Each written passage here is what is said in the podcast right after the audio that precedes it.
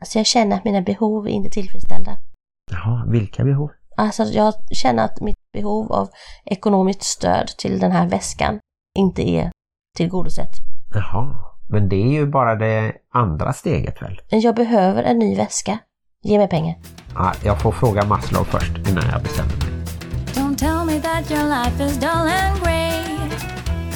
My only answer is hey, hey, hey, hey. Let's go crazy in the wild, and if by chance we make a child, that just means that we're alive and healthy.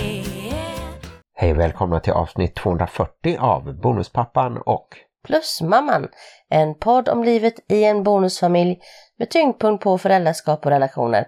Jag känner mig väldigt nyvaknad. Martin, gör du det? Nej, jag har varit ute och promenerat med våran lilla hund och så. Ja, äh, jag har ju jobbat ganska hårt den här veckan. Det brukar jag inte göra. Jag brukar ju vara här hemma och bara glida omkring som en sån där Hollywoodfru ungefär. Ja, det är härligt. Vi brukar även säga att vi sänder i samarbete med Hallands Nyheter, dagstidningen i Varberg och Falkenberg som inte kommer i brevlådan just idag eftersom det är söndag och det är även första maj när vi spelar in det här.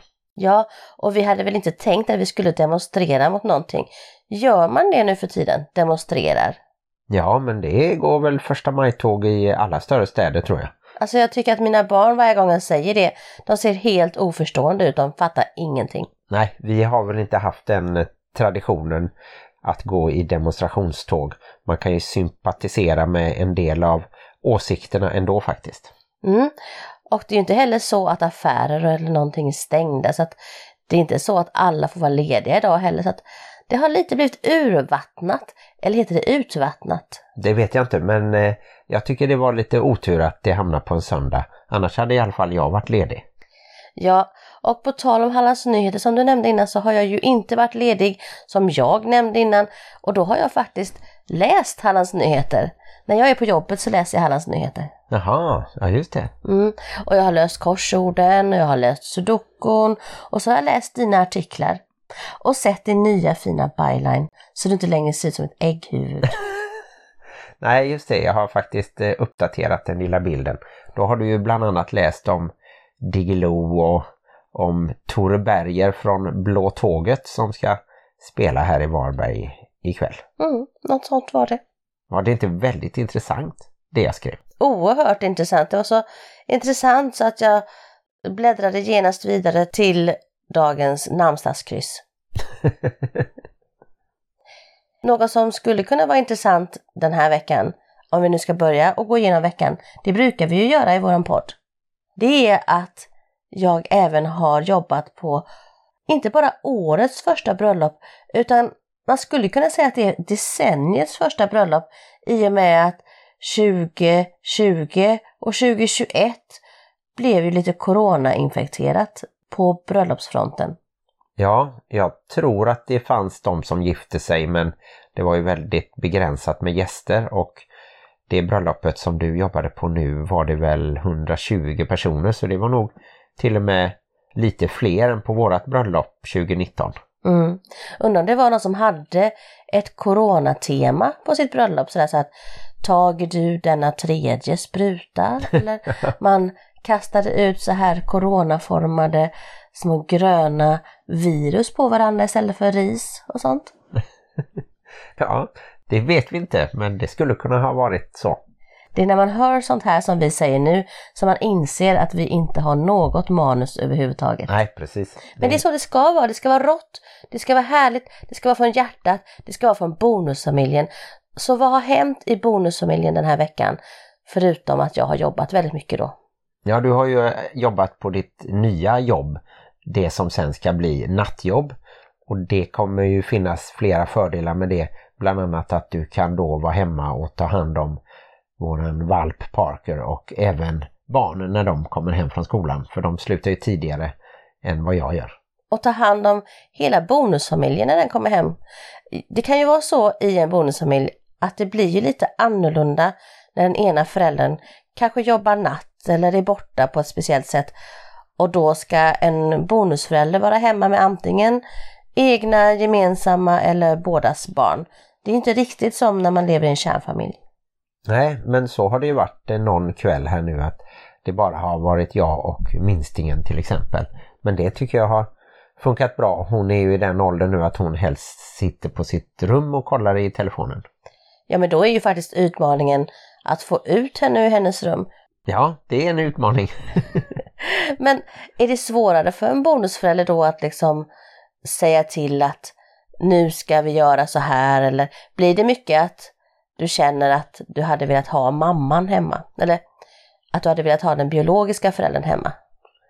Ja, jag kan väl säga att jag följer lite dina instruktioner i ett sånt eh, läge och då är det viktigaste att det är bra stämning, inte att man gör nytta till exempel och sådär.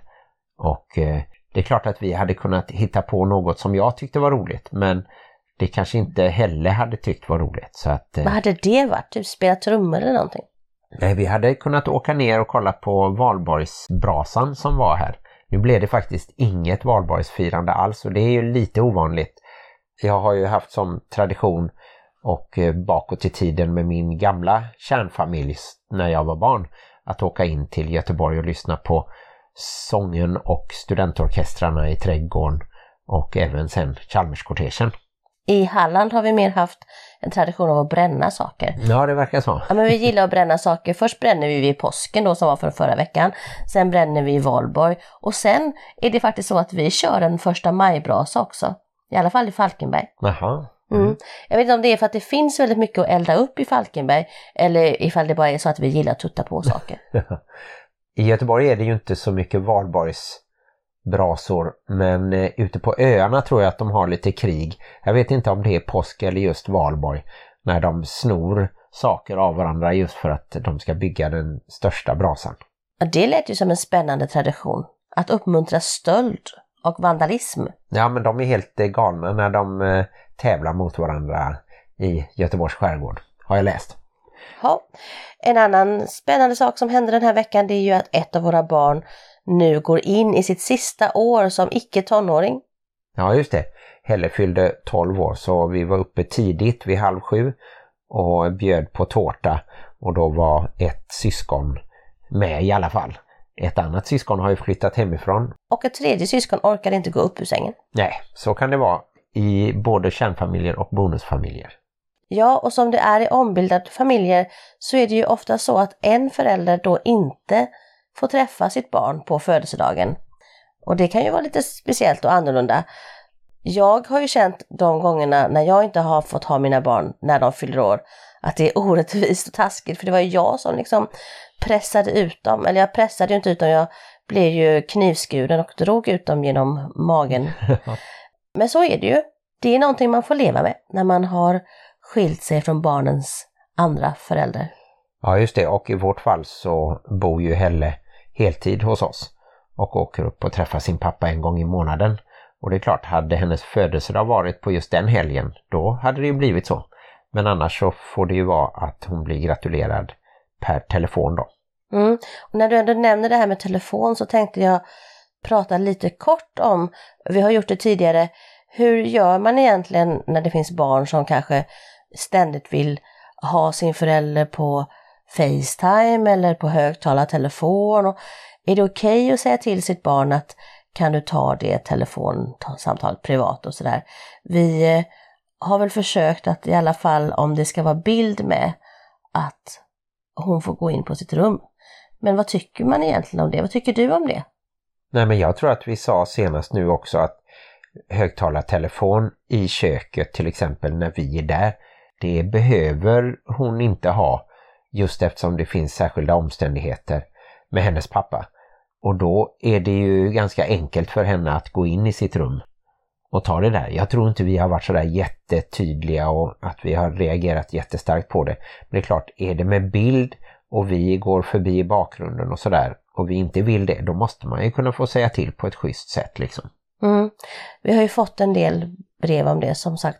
Och jag kan ju vara kluven där. Jag kan ju tänka att det är barnets hem och att barnet också har rätt att gå runt och visa i sitt hem och sådär. Men jag tycker ju själv att det känns lite sådär att ha mitt ex på bild eller i högtalare i hela hemmet. Så att I am undecided som det heter. Ja, och jag tycker att det beror helt på omständigheterna. De tre äldsta barnens pappa är ju här ibland och hämtar grejer eller sådär och vi har bjudit hem honom på middag och även om han har tackat nej så är han ju i våran hall ibland och i våran trädgård ibland och sådär. Och det känns helt okej. Okay. Mm. Ja, moving on. Eller hade du någonting mer att säga om den här veckan som gått? Nej, det var ungefär det. Veckorna mm. går väldigt snabbt och eh, det blir spännande att se här om det stabiliserar sig lite när du börjar jobba kväll. Precis, vi kommer kanske återkomma till veckan när vi kör vårat stående high and low som kommer efter veckans diskussion eller veckans ämne som den här veckan kommer vara Maslows behovstrappa. Mm, den känner nog många igen från skolan kanske, i alla fall i vår ålder när man lärde sig sånt. Jag, tänkte säga, jag kommer inte ihåg den från skolan. Men å andra sidan så kommer jag inte ihåg vidare mycket överhuvudtaget från skolan. Nej, men då kommer en repetition nu.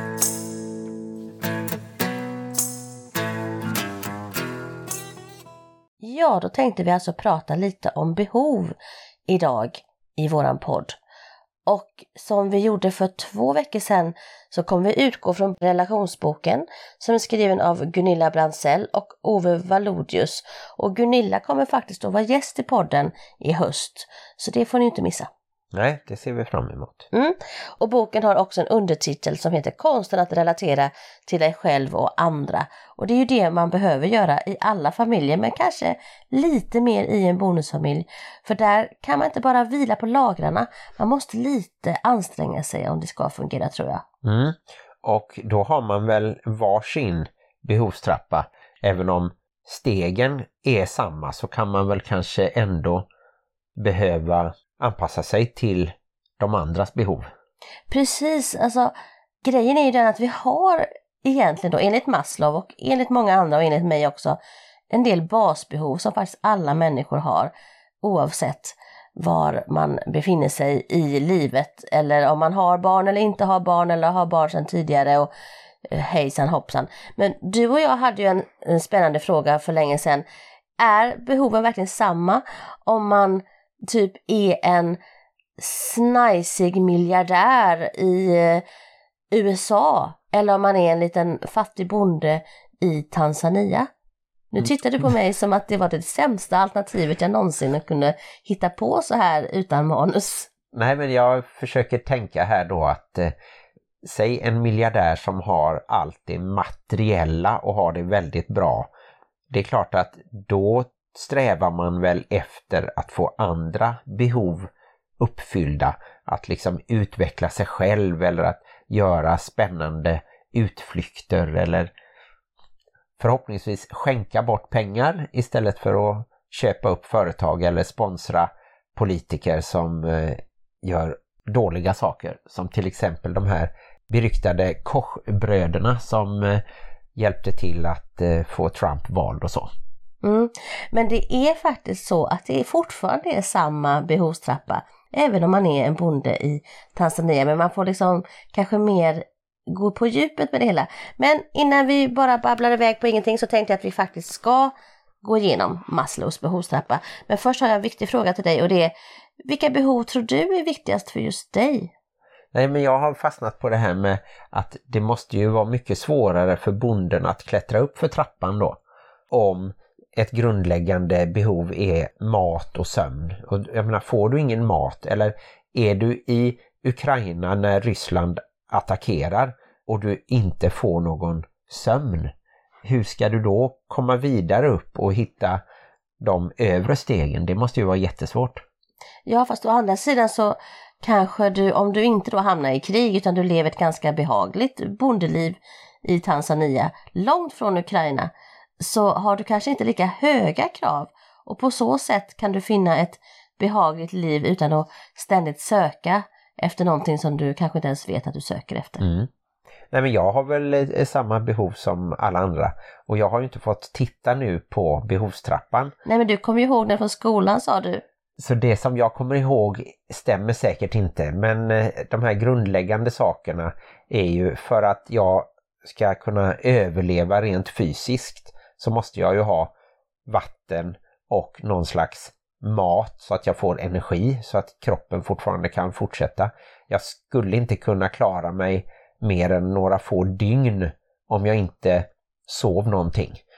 Att hålla någon vaken under långa perioder är ju faktiskt tortyr och det är ju förbjudet att göra det till exempel i krig. Mm. Jag hade ju tänkt att du bara skulle säga nej, jag har ingen aning Maria om mina behov. Och då hade jag sagt så här, ingen fara Martin, för du kommer få inventera dig själv och se vilka behov du har, mänskliga och känslomässiga. Men att jag skulle utgå från att du inte skulle säga någonting, det var ju väldigt dumt av mig, för du har ett stort behov av att uttrycka dig. Jaha, finns det med då på trappan? Man vet inte, men vi går vidare här i alla fall. Och det är så här, dina behov, dina mänskliga och känslomässiga, de styr till stor del dina handlingar. Och eftersom du pratar så mycket så tänker jag att det måste ju finnas med på din behovstrappa att du har ett behov av att yttra dig och säga saker. Ja, Eftersom dina handlingar oftast visar det. men det tror jag nästan alla har, men i olika hög grad. Men jag tänkte att vi skulle ta Maslows pyramid nerifrån. Den är ju en pyramid också, även om man ofta säger Maslows trappa. Men det är ju typ som två trappor mot varandra blir ju en pyramid. Ja, just det. Och det är väl bilden är väl att man måste få det nedersta tillgodosett innan man kan gå upp en nivå. Mm. Och längst ner så har vi ju då de biologiska och fysiologiska behoven, de som vi inte kan vara utan. Mat, vatten, luft och sex. Däremot så tror jag att ganska många människor är utan sex. I alla fall långa tider. Ja, frågan är om man ska formulera om det till någon slags mänsklig närhet. Men det är klart att det finns enstaka eremiter. Men eh, det sexuella kanske kommer fram ändå. Det roliga var när vi träffades och du sa att du inte hade några barn. Och jag, jag vet inte om jag sa det exakt så, men jag sa att ja, men, ja, Martin är ju oskuld. Och Saga storögt faktiskt trodde att det var så. Ja, Och kanske fortfarande tror det, för att du inte har fått några barn. ja just det. Rent teoretiskt så skulle det ju kunna vara så. Mm. Mm. Ja, men vatten och luft och mat kan man i alla fall inte vara utan. Så att det är ju där nere i basen på pyramiden. Jag tänker, hur ska man tänka runt det i en bonusfamilj så är det ju faktiskt viktigt att alla får mat och att alla får luft. Så att ta inte all luft Martin i bonusfamiljen.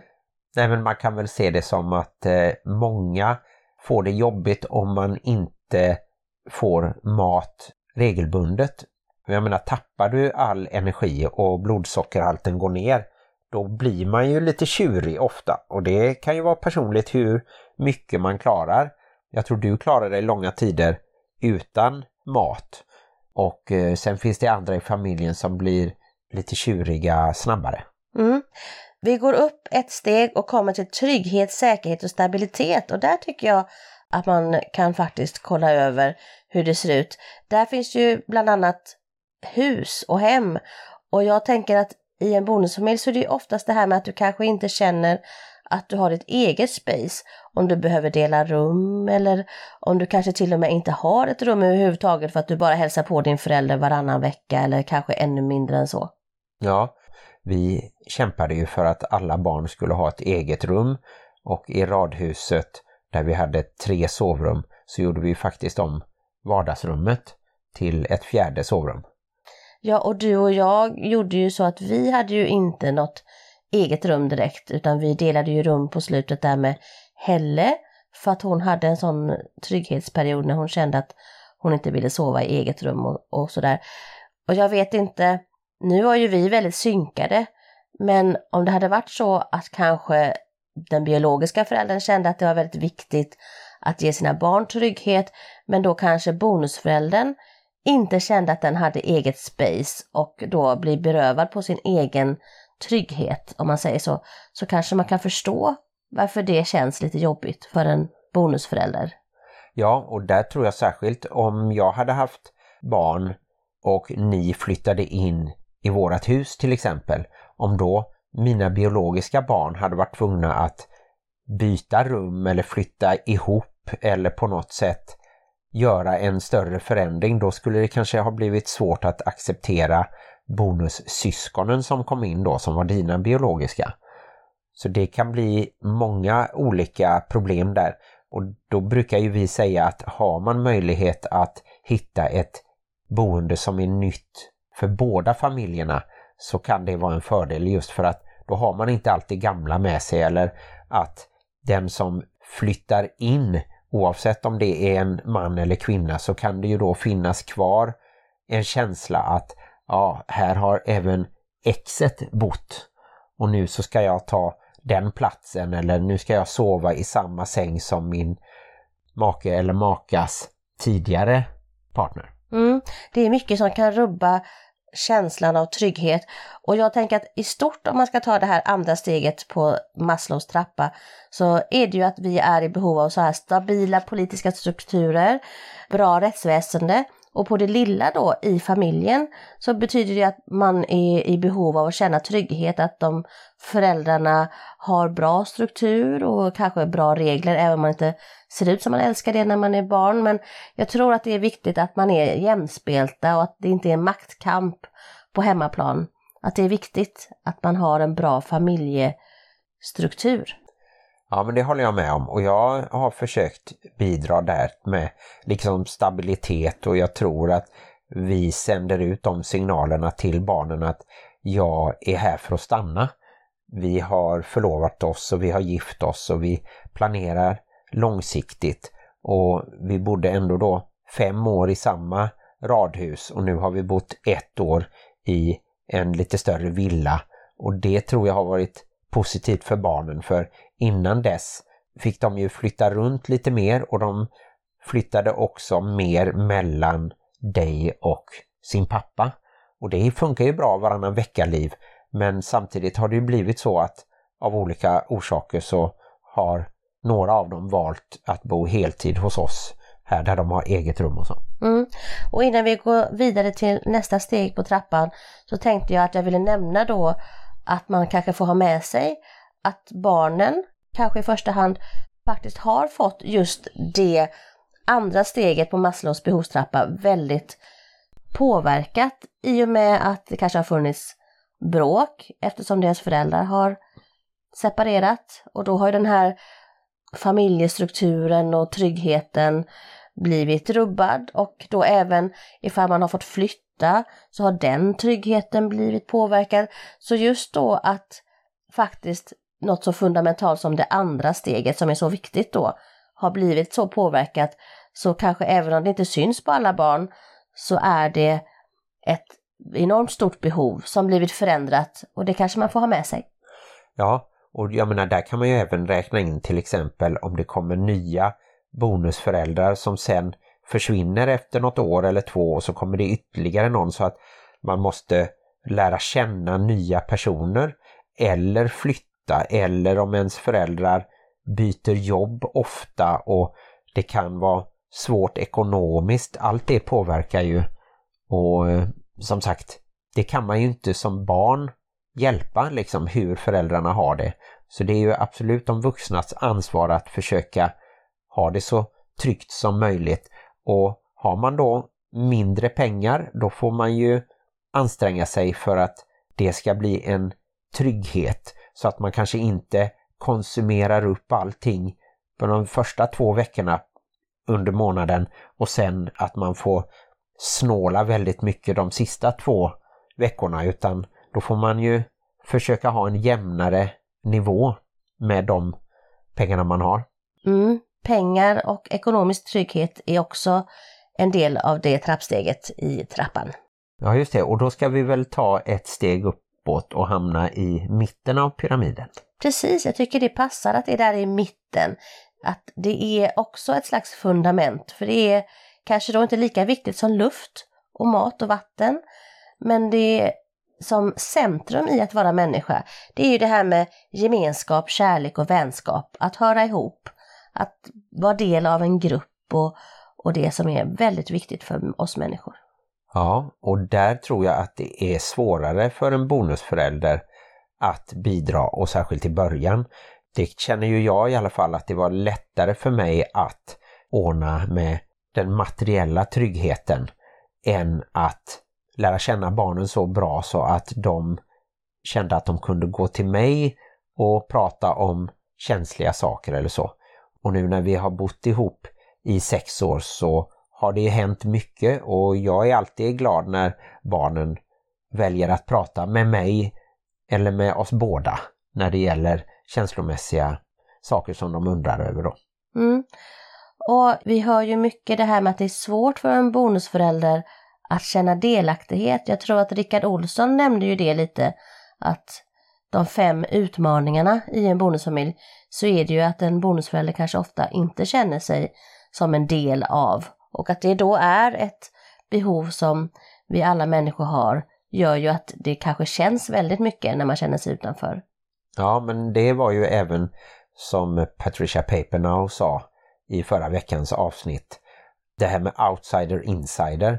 Och där tror jag att eh, det är bra om man som bonusförälder är medveten om det.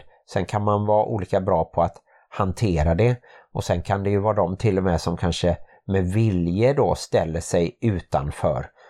För att inte känna det som att man inte blir insläppt så väljer man det själv och då kan man ju fastna där och inte sen komma in i familjen. Och det tror jag är lite riskabelt. Mm.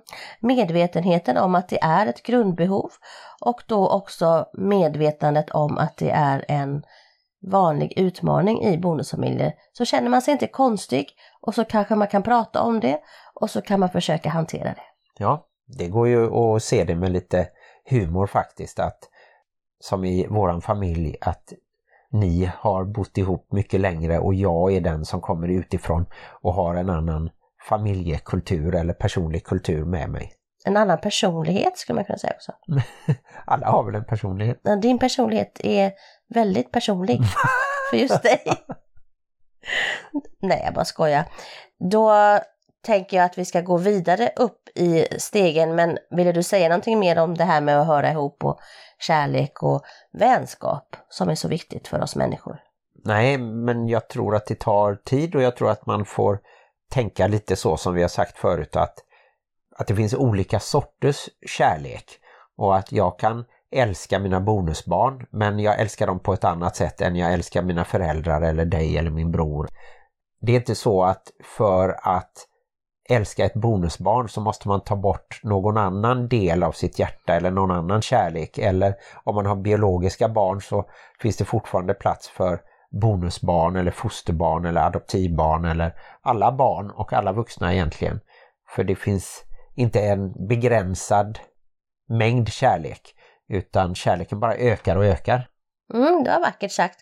Om vi då ska gå tillbaka till det här med hur det här behovet då blir påverkat när det gäller bonusfamiljer och då tänker jag att när dina föräldrar går isär så kan det finnas ganska många relationer som blir påverkade. Du kanske flyttar långt ifrån dina vänner, du kanske inte längre går med samma klasskompisar eller det är någon lärare du har tyckt om eller du kanske inte träffar din mormor och morfar eller farmor och farfar lika mycket och sen även om du lever i bonusfamilj en längre tid så kan det hända så att du behöver byta bonusfamilj och då är det bonussyskon och kanske bonussläktingar som också försvinner. Att det är många relationer som blir påverkade och att det då är den här fundamentala mittendelen i pyramiden som blir påverkad. Ja, jag satt just och funderade lite på också det här med närhet. Att det faktiskt kan vara så att om du har två föräldrar och den ena är lite mer kramig och den föräldern flyttar bort eller om man lever varannan vecka-liv så kan det ju bli så då att om du inte träffar, om det skulle vara din mamma, så kanske du inte får lika många kramar för det blir ju också något annorlunda att du som barn kramar en bonusförälder. Det tar lång tid innan det börjar likna hur det är att krama en förälder till exempel.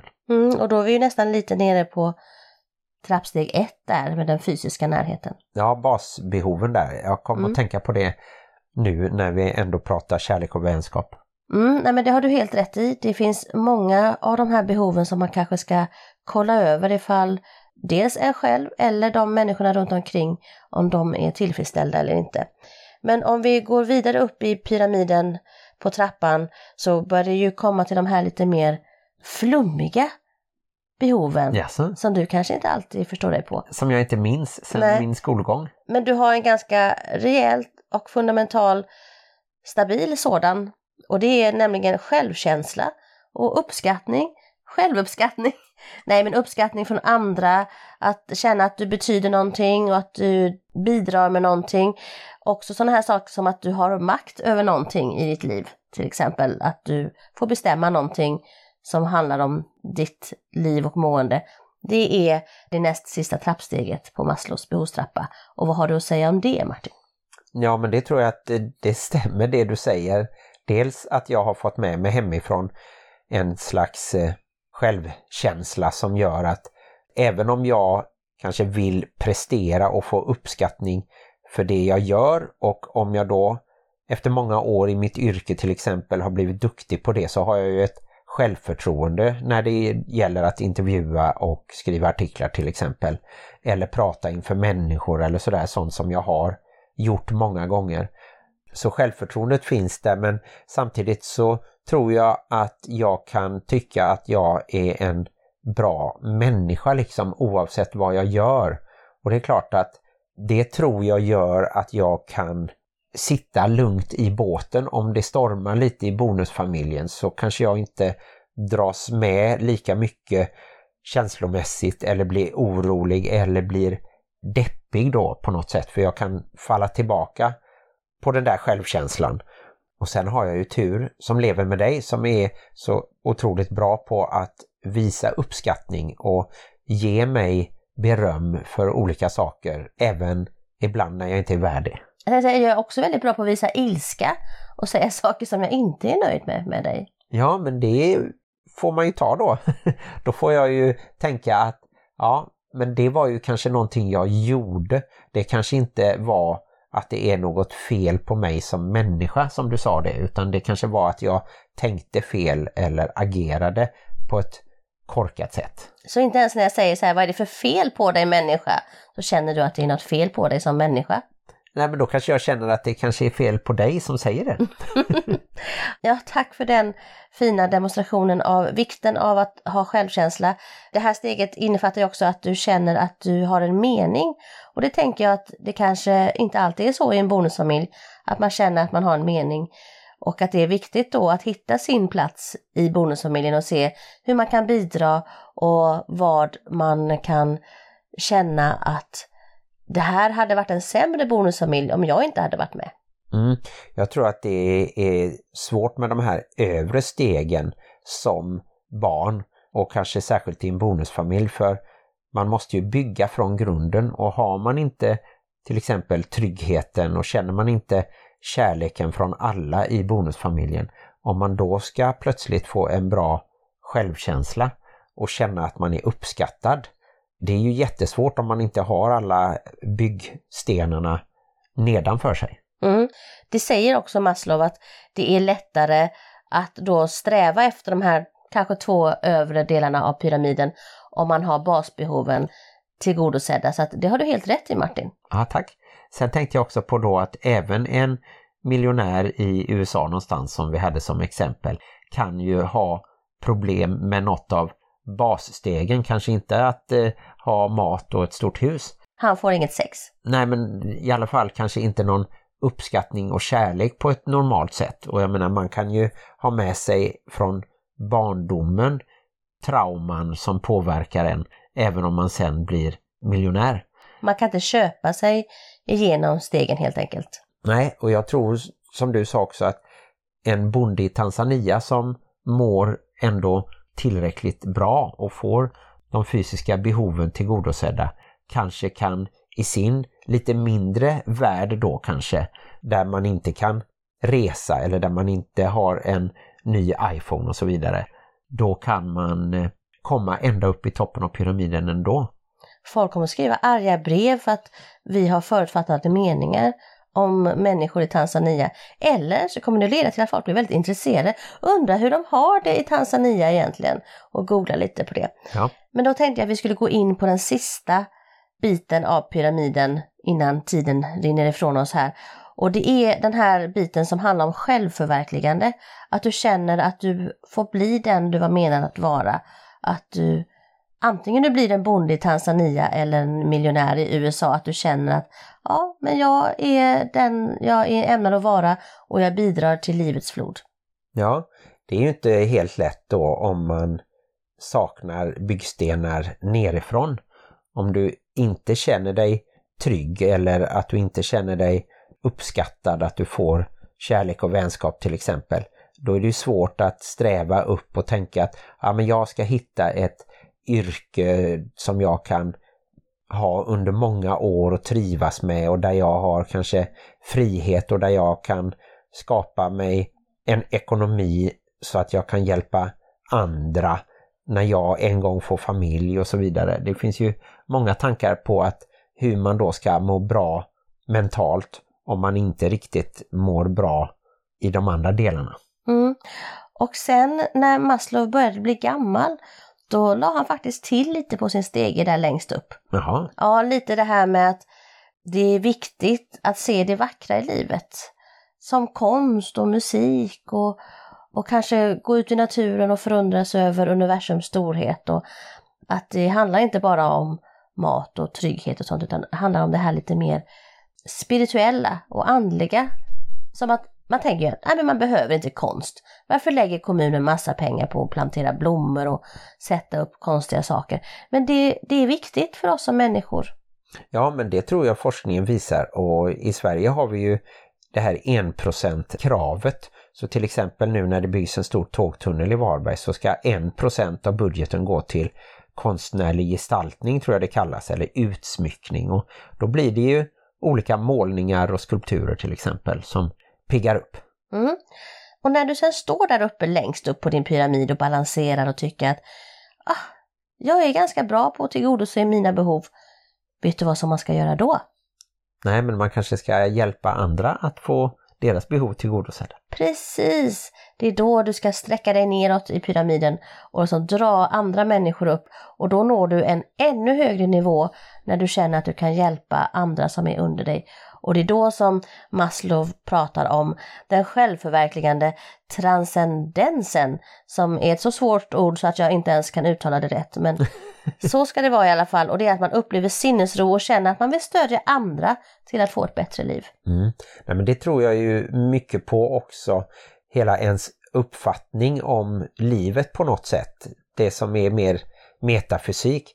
Att man hittar någonting där som man kan falla tillbaka på. Oavsett då om det är för vissa en andlig uppfattning eller en slags religion eller en tro på evolutionen och vetenskapen och att man ska på något sätt hitta en mening med livet även om man inte går runt varje dag och grubblar på det så kan man landa i det på något sätt så att man inte behöver tänka så mycket på det utan att det finns där naturligt.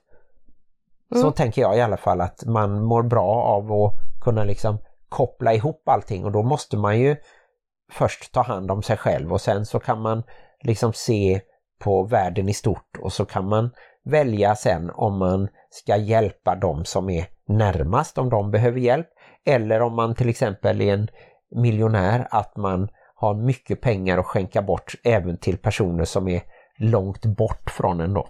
Men jag tycker ändå att det är fint när någon som har väldigt lite hjälper någon och det tyckte ju även Jesus i Bibeln att om man ger bort sitt sista mynt så ger man bort mer än någon som har 20 mynt och ger bort ett mynt. Ja absolut. Jag bara tänker att det blir ofta automatiskt så. Till exempel nu när kriget är mycket närmare oss så är det lättare för oss att skänka pengar till Ukraina än om det händer en flodvågskatastrof där inga svenskar är inblandade i Indonesien till exempel. Då är det svårare för oss för att vi känner oss inte lika sammankopplade med, med dem som om jag vill skänka pengar till kvinnojouren i Varberg så känns det ju mycket lättare för mig eftersom det är mycket närmare på olika sätt. Mm, och det har ju säkert med våra mänskliga behov av att höra ihop och känna gemenskap att göra och sådär. Ja, att man går från den inre cirkeln utåt på något sätt.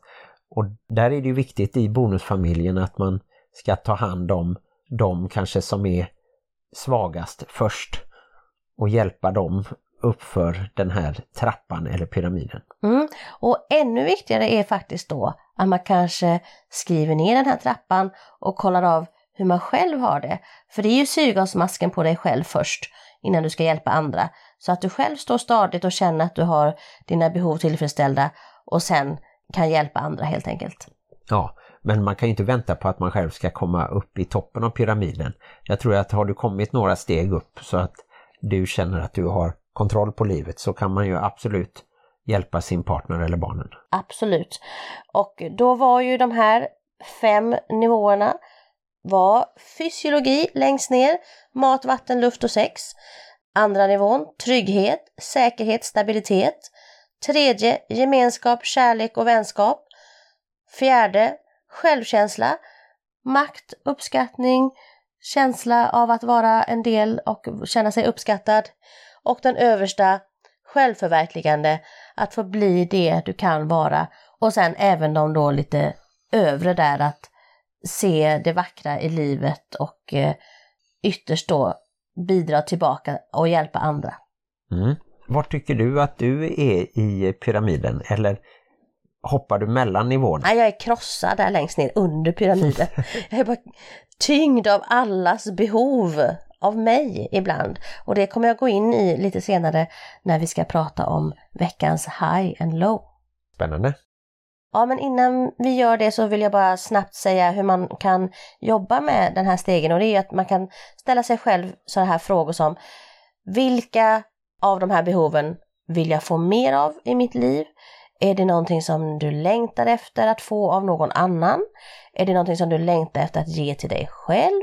Och vad skulle du vilja ge till andra? Och hur vill jag börja min dag? Hur vill jag sluta min dag? Vad behöver jag när jag känner mig stressad?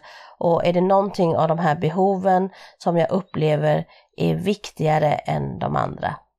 Ja. Lite så här reflekterande frågor som vi skickar med er innan vi knyter ihop påsen. En slags inventering av sig själv och det borde man väl göra oftare kanske. Mm.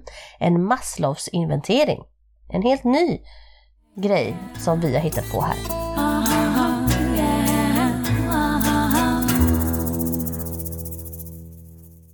Ja, då ska vi alltså avsluta det här avsnittet med att välja ut en höjdpunkt och ett lågvattenmärke från veckan som har gått.